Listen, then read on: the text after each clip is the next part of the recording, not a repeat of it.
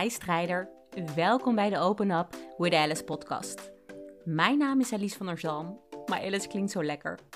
In deze podcast maak ik het onbespreekbare spreekbaar en wil ik de taboes doorbreken over zowel traumatische ervaringen als de dingen die we in het dagelijks leven tegenkomen.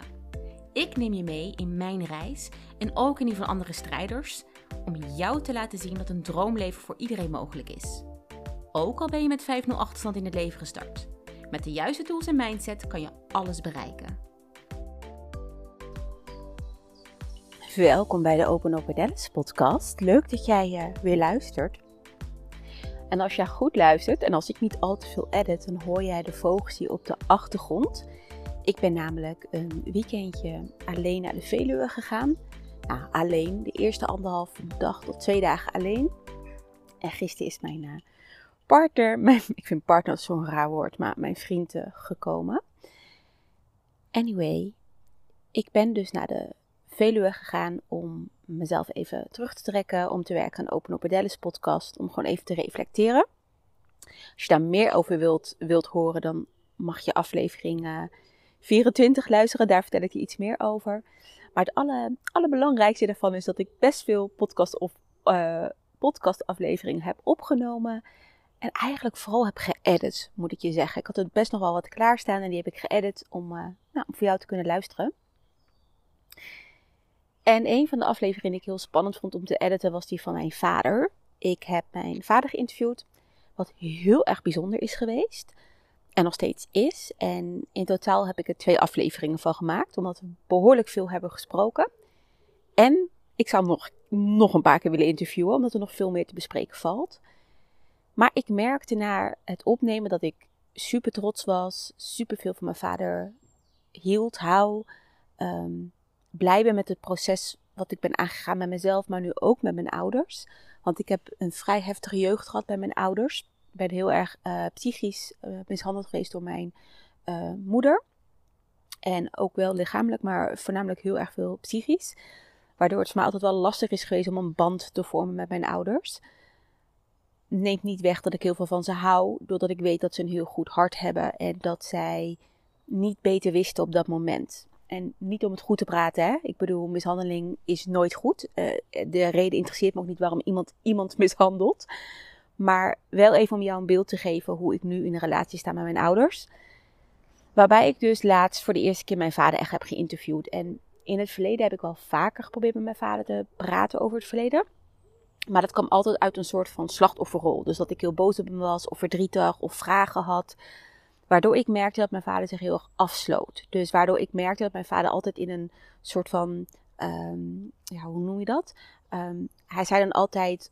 Tenminste, hij antwoordde op al mijn vragen altijd: Ik weet het niet meer, ik ben het vergeten, ik laat het in het midden liggen wat ik je kan vertellen wat heel pijnlijk is als jij als slachtoffer vraagt van ja, maar waarom hebben jullie mij in de schuur opgesloten? Ik zat soms echt uren in de schuur en dan belden de buren wel eens de politie. Ja, dat wist hij dan niet meer, daar was hij dan niet bij, want hij was aan het werk en het zal wel, de waarheid zal ergens in het midden liggen. Nou, eigenlijk met alle vragen die ik hem stelde, kreeg ik dit soort antwoorden en dit heeft mij heel veel pijn gedaan, heel mijn leven. Ik ben ook super allergisch en je kan het mijn vriend vragen, maar als ik aan mijn vriend iets vraag en hij zegt dat hij het niet meer weet, oef. dan I'm fire. dan ben ik niet meer zo lief. Ik ben van mezelf best wel lief en zacht. Maar dan ben ik niet zacht, dan ben ik heel hard. Uh, omdat het gewoon echt mijn allergie is. Gewoon, ik weet het niet meer of ik laat in het midden. Is bij mij geen antwoord op geen enkele vraag. In mijn privéleven dan, hè. Op mijn werk zal ik dit natuurlijk anders, uh, anders, uh, anders op reageren. Maar in mijn privéleven is dit geen antwoord op, op, een, op een vraag. En ik was dus ook bang toen ik mijn vader ging interviewen dat ik dit soort antwoorden zou krijgen. Dus ik heb van tevoren heel erg goed nagedacht. Dus enerzijds heb ik heel bij mezelf gevoeld, ben ik er klaar voor mijn vader te interviewen? En toen dacht ik, ja, dat ben ik. Alleen wel met bepaalde onderwerpen. En bepaalde onderwerpen die ik zelf nog niet heb verwerkt, waarbij ik heel veel emotie voel, die ga ik hem niet vragen. Dus daar heb ik heel goed over nagedacht. Um, ik heb dit ook met mijn vader besproken. Ik heb ook aangegeven, dit interview gaat niet een soort van verhoor worden. Ik ga jou niet vragen waarom je iets hebt gedaan. Dus dit interview gaat ook niet over de waarom. Dit interview gaat over hoe jij je hebt gevoeld. Hoe is het voor een vader als een dochter uit huis wordt geplaatst? Hoe is het voor een vader als zijn dochter wordt mishandeld door haar partner? Hoe is het voor een vader als een van zijn dochters overlijdt aan, nou ja, ze zeggen zelfmoord? Nou, allemaal dit soort vragen, wat ik netjes van tevoren bij mijn vader heb aangegeven, waarbij we ook echt bij zijn gevoel konden blijven en weg konden blijven van, ja, maar jij bent een slechte vader geweest en waarom heb je A, B en C gedaan? Dit zorgde er voor mij voor dat het goed voelde om hem te interviewen. En ik denk dat het ook voor hem daardoor goed voelde om bij mij te gast te zijn. En ik, ik denk, misschien dat jij al de aflevering hebt geluisterd, want de aflevering hiervoor is het eerste gedeelte over het interview met mijn vader. En de aflevering die hierna komt, zal het tweede stuk met mijn vader worden. En ik heb vrij weinig geëdit. Ik heb volgens mij één stukje ergens weggeëdit. En dan ga ik je dadelijk ook eerlijk vertellen waarom. Maar ik heb vrij weinig geëdit omdat ik het heel rauw en puur wou houden. Alleen ik merk wel dat het iets met mij doet. Omdat ik in dit interview zo dichtbij de veiligheid van mijn vader ben gebleven. Dat hij zich veilig voelde omdat ik hem interviewde. Heb ik ergens ook mijn veiligheid opzij gezet. En wat ik daarmee bedoel is. Mijn vader is super respectvol verder gebleven. Maar ik vind wel, of ik vond en ik vind wel, dat mijn vader heel erg tussen neus en lippen door probeerde te vertellen hoe een goede vader hij is geweest. Dat hij heel veel voor me heeft gedaan. Dat ze altijd bezorgd om me waren. Dat hij financieel, vooral financieel, het ging altijd best wel veel om geld ook, wel voor me zorgde en wel voor me was. En achteraf gezien denk ik, dat had ik liever niet gehad dat hij dit soort dingen vertelde. Want het lijkt nu heel erg in het interview, zo voelt het ook voor mij, dat, dat we een hele leuke band hebben gehad. En ja, ik ben wel uit huis geplaatst, maar dat kwam door jeugdzorg. Ja, ik ben wel mishandeld door mijn vriend en hij heeft, hij, hij heeft hem nooit gestopt. Maar ja, dat kwam omdat ik zelf niks tegen hem uh, zei. Um, uh, mijn zus, die heeft zelfmoord gepleegd, of dat is ons verteld, maar wij twijfelen daaraan. Ja, daar heeft hij ook niks aan gedaan, want ja, de politie zei dat dat hè, zo was. En ik vind dat een hele makkelijke manier ik vind dat geen leiderschap nemen over jouw leven. En als je me een beetje volgt en een beetje kent, dan weet je dat persoonlijk leiderschap voor mij echt voorop staat. Jij bent in controle over je leven. Jij bepaalt hoe je leven gaat. Het ligt allemaal bij jou.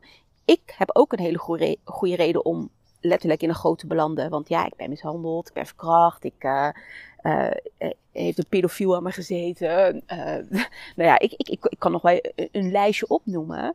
Maar dat zijn voor mij nooit redenen geweest om het niet te halen in mijn leven. Dat zijn voor mij altijd redenen geweest om het wel te gaan halen in mijn leven. Om wel te strijden voor mijn leven. En ik zeg altijd daarin, er zijn twee verschillende mensen. Je hebt slachtoffers en strijders. En een strijder is ook een slachtoffer, hè? Want ik noem mezelf een strijder, maar ik ben ook een slachtoffer.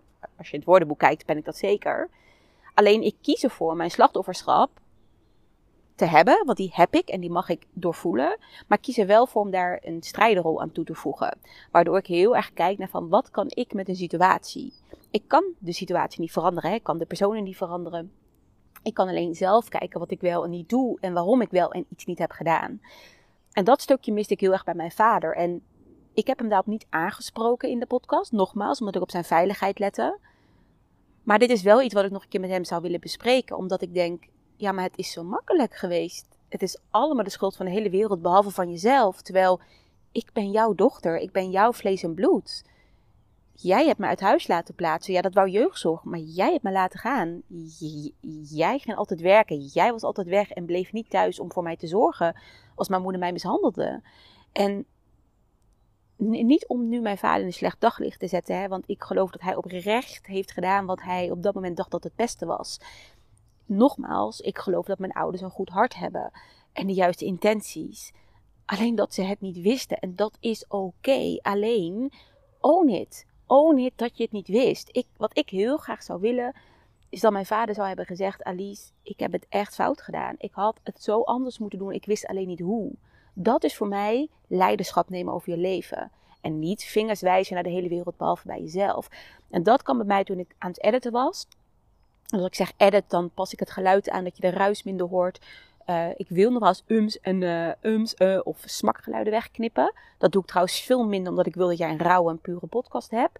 Maar als het echt heel erg is, ik kan zelf namelijk niet tegen smakken, dan knip ik het wel eens weg. En toen ik dat aan het doen was, aan het editen, toen dacht ik ja, ja, oké, dit laat wel typisch zien inderdaad wie mijn vader is. Um, wie hij was, wie hij nog steeds is. En ergens snap ik het ook wel, want hoe kloten is het dat jij moet toegeven dat jij gewoon een slechte vader bent geweest? Het lijkt me heel erg kloten.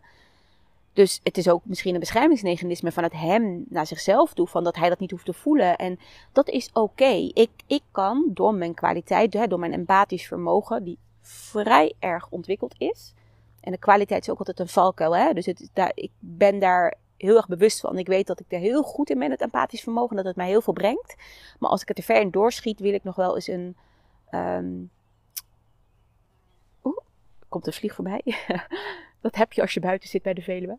Nee, maar als ik te ver in mijn empathisch vermogen doorschiet, wil ik nog wel eens de daders uh, daden goed praten. En dat is natuurlijk ook niet oké. Dus um, dat weet ik van mezelf. Dat wil ik ook open tegen jou zeggen, dat dat echt wel mijn valkuil kan zijn. Maar het blijft hoe dan ook mijn vader. Hè? Dus ik zal altijd mijn vaders uh, gedrag goed praten. En niet omdat dat uh, goed is dat ik dat doe, maar ik denk dat het heel natuurlijk is dat ik dat doe.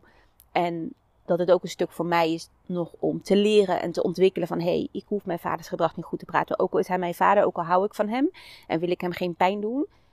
Uh, ik keur mijn vader niet af, ik keur zijn daden af. Ik keur zijn gedrag, niet al zijn gedrag, maar een gedeelte van zijn gedrag af. En daar mag ik wel duidelijker in zijn naar mezelf, maar ook naar jou toe. Om door te pakken, dus met het editen merkte ik dit. En dat raakte mij wel. Um, en daarnaast wat me heel erg raakte, en dat heb ik net al een stukje verteld, is een stukje geld. Ik noemde net ook, ik heb een stukje weggeknipt en dat ging op een gegeven moment over geld. Het ging op een gegeven moment zoveel over geld. En volgens mij is dat, ik zit nou te denken in de eerste of tweede aflevering, nou dat maakt niet uit, maar het ging zoveel over geld. Van dat hij voor me klaar stond, dat hij, dat, dat geld had, dat hij op een gegeven moment naar de bank was gegaan, ook om mij te helpen met geld, toen, ik in, toen ik in Amerika zat. En toen dacht ik, wacht even, we weten nu wel dat je me hebt geholpen met geld. En toen heb ik een stukje daarvan uitgeknipt dat ik dacht, ik wil niet dat een halve aflevering over geld gaat. En toen ik het eruit had geknipt, toen dacht ik, ja, maar ik wil ook dat het rauw puur is voor jou. Dus vandaar ook dat ik deze aflevering opneem, om jou gewoon te vertellen van, ik ben niet, ja, ik wil zeggen perfect, maar dat is niet het juiste woord.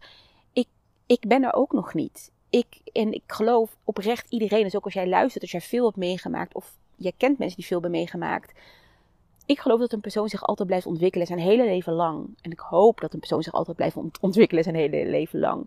En je leert van dingen. Je doet op, op een moment, hè, dus op het moment dat ik aan het editen was, editen was, voelde dat correct. En het kan zijn dat na een jaar, en bij mij is het nu letterlijk na een dag, dat ik denk, oh, misschien had ik het er niet uit moeten editen. Je verandert continu als mens door de processen die je meemaakt. En dat betekent niet dat wat jij ooit hebt gedaan dan goed of fout was. Betekent wat jij hebt gedaan dat het op dat moment oké voelde, dat het goed voelde. En dat is dus ook zo voor mij. Omdat het voor mij gewoon niet oké voelt dat mijn vader zich zo uit de situatie probeert te praten met geld. En dat is wel hoe ik mijn vader ken. Mijn vader heeft, en dat vind ik echt heel interessant, mijn vader komt echt van heel weinig. Hij is echt bijna failliet geweest als ondernemer toen wij heel klein waren. Hij heeft een eigen onderneming opgebouwd. Hij heeft er echt hard voor moeten vechten oprecht inspirerend verhaal. Wat ik hoop ooit mijn vader ook te, over te mogen interviewen. Hij is dus bijna failliet geweest. Hij heeft echt, echt nou, moeten vechten om te komen waar hij, waar hij is. En hij heeft het dus niet altijd makkelijk gehad met geld. Uh, wij toen wij klein waren, misschien ook niet. Dat kan ik me niet herinneren. Um, maar ik weet wel toen ik ouder werd dat, dat op momenten dat ik op straat werd gezet door mijn moeder. Mijn moeder zette me heel vaak op straat, maar op hele jonge leeftijd trouwens hoor, maar ook op oudere leeftijd. Dan ging ik nog wel eens van kinderthuisverpleging even naar mijn ouders en dan ging het weer mis en dan werd ik weer op straat gedonderd. En dan sliep ik wel eens in panden van mijn vader. Mijn vader heeft een aantal panden die hij vuurt. En die werden toen helemaal verbouwd en dan sliep ik soort van in de verbouwde uh, panden eigenlijk. Dus met allemaal stof en nou ja, in ieder geval hoe, hoe een bouwval eruit ziet. Oeh, serie? Nee, niet tegen jou. Hoe een bouwval uh, eruit ziet. En dan weet ik altijd dat mijn vader wel zorgde dat ik geld had. Dus ik kreeg geld en dan kon ik lekker patatjes kopen of broodje frikandel. Um, er was beneden, het was in Poldijk, dat een kledingwinkel met een hele lieve vrouw. En zelfs een vriendin van uh, mijn vader. Samen met haar man, ze uh, vrienden van mijn, van, van, mijn vader. Ik zeg mijn vader omdat ik denk dat ze niet zo bevriend met mijn moeder waren. Maar dat zijn weinig mensen, kan ik je vertellen. Maar met mijn vader. En ik mocht er altijd kleding kopen en het werd dan op rekening gezet van mijn vader. Dus financieel, wil ik zeggen, had ik het best wel goed. Ik had kleding, uh, ik kon, nou, kon, altijd wel eten ergens kopen. Al was het een patatje, al, was het, al, was het, al waren het koeken. Het was wel ongezond, maar ik kon, ik kon eten kopen of ik kocht eten. En ik weet ook dat op een gegeven moment naar Amerika wou. Dat ik, uh, voordat ik naar Amerika ging, heb ik een tijdje een appartement gewoond die mijn vader verhuurde. Nou ja, daar hoefde ik geen huur te betalen bijvoorbeeld. Dus omdat ik geen huur hoefde te betalen, spaarde ik. Wat ik trouwens vrij knap van mezelf vind. Want ik ken heel veel jongeren die het dan uitgeven aan bier en wijn. Uh, maar ik spaarde, omdat ik wist dat ik ergens heen wou. Ik wist dat ik weg wou uit Nederland. Ik wou letterlijk vluchten van toen mijn gewelddadige ex. Dus ik spaarde elke maand om ervoor te zorgen dat ik eigenlijk, nou ja, die negen maanden dat ik daar uh, naar school wou om Engels te studeren, dat ik dat kon betalen. Maar naast dat ik zelf heb gespaard om dat te kunnen betalen, heeft mijn vader ook toen ik in Amerika zat, elke maand mijn huur daar betaald. Dus ja, ik heb zelf gespaard om naar Amerika te gaan. Heel erg eerlijk, dat kon ik doen omdat mijn vader mijn huur betaalde. En toen ik daar zat, heeft hij mijn huur betaald. Dus financieel gezien heeft hij heel goed voor mij gezorgd. En ook dit vind ik lastig om aan te geven, omdat ik denk, ja, maar wie ben ik dan om te zeggen: Oh, als je een moeilijk leven hebt, kun je alles bereiken, want mijn vader heeft me toch financieel geholpen. dat gaat door me heen. Dat is het oordeel wat ik over mezelf heb. Dat is het oordeel waar ik bang ben dat andere mensen over me hebben. Maar aan de andere kant slaat het nergens op. Want heel erg eerlijk, iedereen heeft een andere situatie. De een heeft wel geld, de ander niet. De ander heeft al het geld van zijn ouders, maar geen liefde. De ander heeft helemaal geen geld van zijn ouders, maar wel heel veel liefde. Er zijn zoveel verschillende situaties. Niemand is gelijk. En als jij naar mijn verhaal luistert en jij bent misschien iemand die hetzelfde heeft meegemaakt, maar daarnaast geen vader had die geld kon geven, ook dan kan jij nog iets van je leven maken. Dat is echt wat ik wil meegeven. Het zal misschien harder werken zijn. Hè? Het zal misschien lastiger zijn om bijvoorbeeld te vluchten naar een ander land. Misschien moet jij vluchten naar een andere stad in Nederland. Maar alles is uitvogelbaar. Jij kan alles waarmaken. En dat is wel echt wat ik wil meegeven. Laat dit verhaal jou niet en je hoort denk ik de angst in mijn stem als ik dit uitspreek. Ik wil niet dat mijn verhaal jou doet, laat denken, oh maar dan kan ik het niet, want ik heb niet dat geld gehad. Nee, jij kan het ook. En daarnaast, en niet om het goed te, praten of zo, is, is niet dat ik duizend euro's kreeg. Ik, ik, had, ik had mijn basisbehoeften. En daar ben ik oprecht heel erg blij mee. En daar ben ik mijn vader tot de dag van vandaag dankbaar voor. Want ik weet tot de dag van vandaag dat als ik ooit mijn baan verlies, met een burn-out thuis kom te zitten, noem maar op, dat mijn vader mijn basisbehoeften zal betalen. Dan moet ik je er wel bij meegeven, want het klinkt heel erg mooi, maar er zit ook een keerzijde aan dit verhaal. Ik kan je vertellen dat geld krijgen van iemand die jou die heeft meegedragen aan jouw mishandeling, is heel lastig. Enerzijds doordat je letterlijk bijna moet smeken om geld. Want mijn vader is iemand die, nou, hij komt altijd te laat, komt zijn afspraken niet na. Ehm, en je moet tien keer iets vragen en dan doet hij het. Dus enerzijds omdat je soort bijna moet smeken van alsjeblieft kan je mijn huur storten, want anders kan ik mijn huur niet betalen. Nou, ik kan je vertellen, om dat jaren te doen, dat het echt heel vervelend is. En anderzijds omdat je je soort van, ja, hoe noem je dat? Soort van alsof hij het goed maakte met geld. En soort van dat ik dan het accepteerde. Zo van, nou, nu is het ons verleden goed gemaakt, want je hebt geld gegeven. En dat is natuurlijk niet zo, want al het geld van de wereld kan niet mijn pijn en niet mijn verleden weghalen. Daar is alleen liefde voor nodig. Daar kan alleen een excuus voor zorgen. En zelfs dat kan de pijn niet weghalen, kan ik je vertellen. Maar het kan het wel verzachten. Maar geld verzacht mijn wonden niet. Geld maakt, maakt het wel makkelijker voor mij om naar de psycholoog te gaan, om te werken aan mezelf. Hè? Dus natuurlijk maakt het dingen makkelijker. Maar het neemt niet de pijn weg. Het, het, dichtte niet mijn wond die ik heb. Ehm, en dat, ik denk dat ik dit het lastigst vond om te horen in de aflevering dat mijn vader zoveel over geld sprak en zoveel de schuld buiten zichzelf zocht. Ik denk dat die twee dingen mij heel erg hebben geraakt in het, toen ik aan het editen was. Ook wel tijdens het interview een stukje, maar vooral tijdens het editen, omdat ik het nog een keer hoorde. En dat ik me toen pas echt kon beseffen, ja, dit is mijn vader. Mijn vader zal, denk ik, nooit toegeven dat hij echt heel erg fout is geweest in wat hij heeft gedaan. We hebben ook buiten de afleveringen bij nog over wat dingen gesproken die ik expres niet in de podcastaflevering heb benoemd, omdat ik daar niet klaar voor ben. En ook daarin was hij heel erg met zijn vingers aan het wijzen van ja, maar jeugdzorg gaf mij dat advies om dat bij jou te doen. Ja, maar jeugdzorg. En toen dacht ik, ja, maar jij hebt toch ook hersens? Je bent toch een volwassen man? Je kan een eigen bedrijf runnen, je kan een opleiding doen.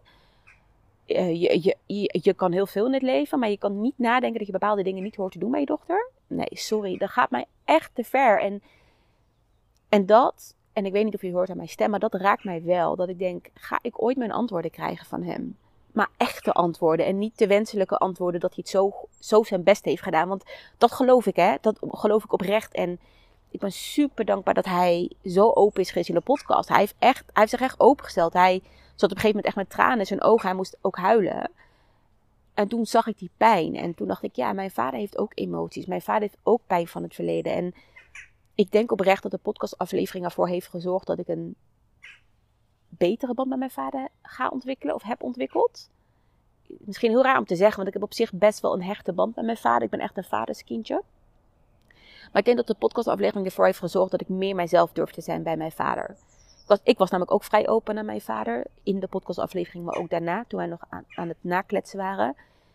En oprecht, die microfoon nou, is magisch. Ik had nooit dit gesprek, dus wat jij hebt kunnen luisteren en de aflevering die er nu aan gaat komen, dus de volgende. Dit, deze gesprek had ik nooit met mijn vader kunnen voeren zonder microfoon. Ik zou daar nog niet klaar voor geweest zijn zonder microfoon. Maar de microfoon zorgde ervoor dat ik een andere pet kon opdoen, waardoor ik ja, ik werd opeens hè, de Open Up Dallas podcast. Ik was even niet Alice, het meisje dat mishandeld is geweest. En dit is trouwens iets wat ik vaker doe in mijn leven. Ik ben ook heel lang danseres geweest, waarbij ik ook niet Alice was, maar was ik Alicia. En um, ik heb dat op heel veel plekken, dat ik een andere pet op doe. En dat ik me letterlijk die persoon kan voelen. Ik zeg altijd fake it till you make it. En mij heeft dat heel ver gebracht in het leven. Maar tijdens de podcast dus, was ik echt even die interviewster. Ik, ik, ik mocht hem interviewen. En hij was de gast. Um, waardoor we dus een heel goed gesprek kunnen hebben gehad met heel veel respect en, en heel veel openheid en rauwheid. Ja, en, en daar ben ik hem heel dankbaar voor. En daar ben ik mezelf heel dankbaar voor. En ik heb zeker voor mezelf al dingen opgeschreven waar ik hem nog meer over wil interviewen. Dus over zijn eigen leven, maar ook over bepaalde dingen die nog zijn gebeurd waar ik niet over praat. Maar ook zou ik mijn moeder heel graag willen interviewen.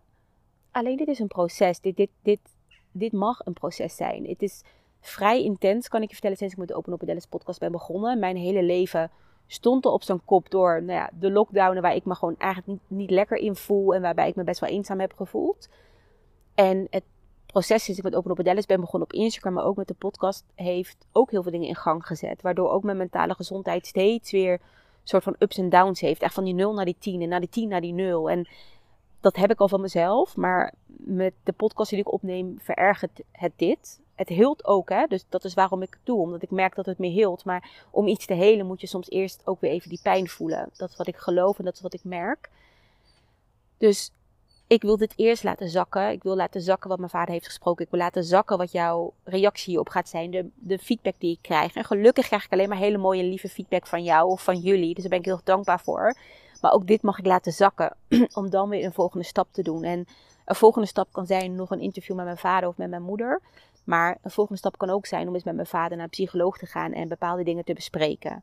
En dan niet bespreken zoals we dat in de podcast hebben gedaan, maar dan echt bespreken waarin ik in de rol van Alice mag stappen die pijn heeft. Waarin ik in de rol mag stappen van Alice, het kind dat zich nooit gezien heeft gevoeld. Waar, waarin ik in de rol mag stappen dat ik echt een vingernaam wijs. En wel een vingernaam wijs met respect, hè? Met, met, met nog steeds te weten dat hij altijd een goede intentie heeft gehad. Maar wel echt naar hem mag zijn van, hé hey, pap, take ownership. Weet je, wees, een man. En zeg gewoon dat je een slechte vader bent geweest. Ehm, en dat je echt je best hebt gedaan, maar dat je gewoon geen, geen prijs verdient voor vader zijn. Ja, dit, dit, is, dit is wel. En ik, nu ik dit opneem, denk ik: oh, als, wat als ik dit online zet, mijn vader hoort dit. Maar it's okay. Ik denk dat mijn vader, mijn vader weet dat ik dit voel en dat ik dit denk. Alleen hè, het horen als iemand het uitspreekt is natuurlijk altijd anders. En ik spreek het ook nog eens uit naar de hele wereld. Maar ik spreek dit uit om jou te laten horen hoe het echte leven is. Om jou te laten zien, hè, als jij misschien in dezelfde kwestie zit, in, in, de, in dezelfde gebeurtenis zit, om jou te laten zien wat dit met je doet ik vind het zo makkelijk om een podcast op te nemen met mijn vader en dan te vertellen hoe magisch het was en dat het helemaal helend is en, dat ik me nu heel goed voel. Want dat is niet zo. Kijk, praten is helend. Hè? Praten is echt krachtig en verbindend. En praten is waar het begint, waar jouw verwerkingsproces begint. Dus ja, ga praten. Alleen verwacht niet dat jij, hè, ik ben 34, verwacht niet dat jij 34 jaar shit, wat je hebt meegemaakt, kan oplossen met één keer praten of met één podcastaflevering. Het heeft tijd nodig. Maar praten zorgt er wel voor dat jij constant weer een volgende stap kan zetten. En soms is een volgende stap een stap terug, omdat dat nodig is om daarna weer drie stappen verder te zetten. En dit mag je echt gaan onthouden. Je mag, je mag stappen terugzetten om stappen verder te komen. En je mag vingers wijzen naar anderen. Je mag soms haatgevoelens hebben naar je ouders of naar de daders. Je mag ook empathische gevoelens hebben. Alles mag er zijn. Simpelweg, jij mag ervaren wat het met je doet.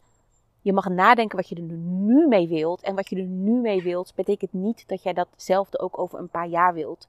Jij mag altijd je gedachten veranderen. Als ik besluit om over drie jaar het contact met mijn ouders te verbreken, omdat ik het toch niet aan kan, of toch niet aan wil vooral, dan mag ik dat. mijn vader, niet omdat hij voor mij dingen heeft betaald, of niet omdat hij te gast is geweest, heeft hij geen recht op mij gekregen. Hij, hij heeft hier niet iets mee afgekocht. Dat bestaat namelijk niet. En dit is heel lastig. Hè? Dat is, en als jij in dezelfde situatie zit, dan weet jij dit het is altijd in het laat wat ik over wil zeggen, maar het is altijd heel makkelijk. Want als je met een partner bent die jou slaat, wordt altijd heel makkelijk gezegd: Ja, maar je moet bij hem weggaan, want hij is slecht voor je. En als ik dan zeg: Ja, maar hij slaapt me niet meer. Ja, maar heeft je heel lang geslagen.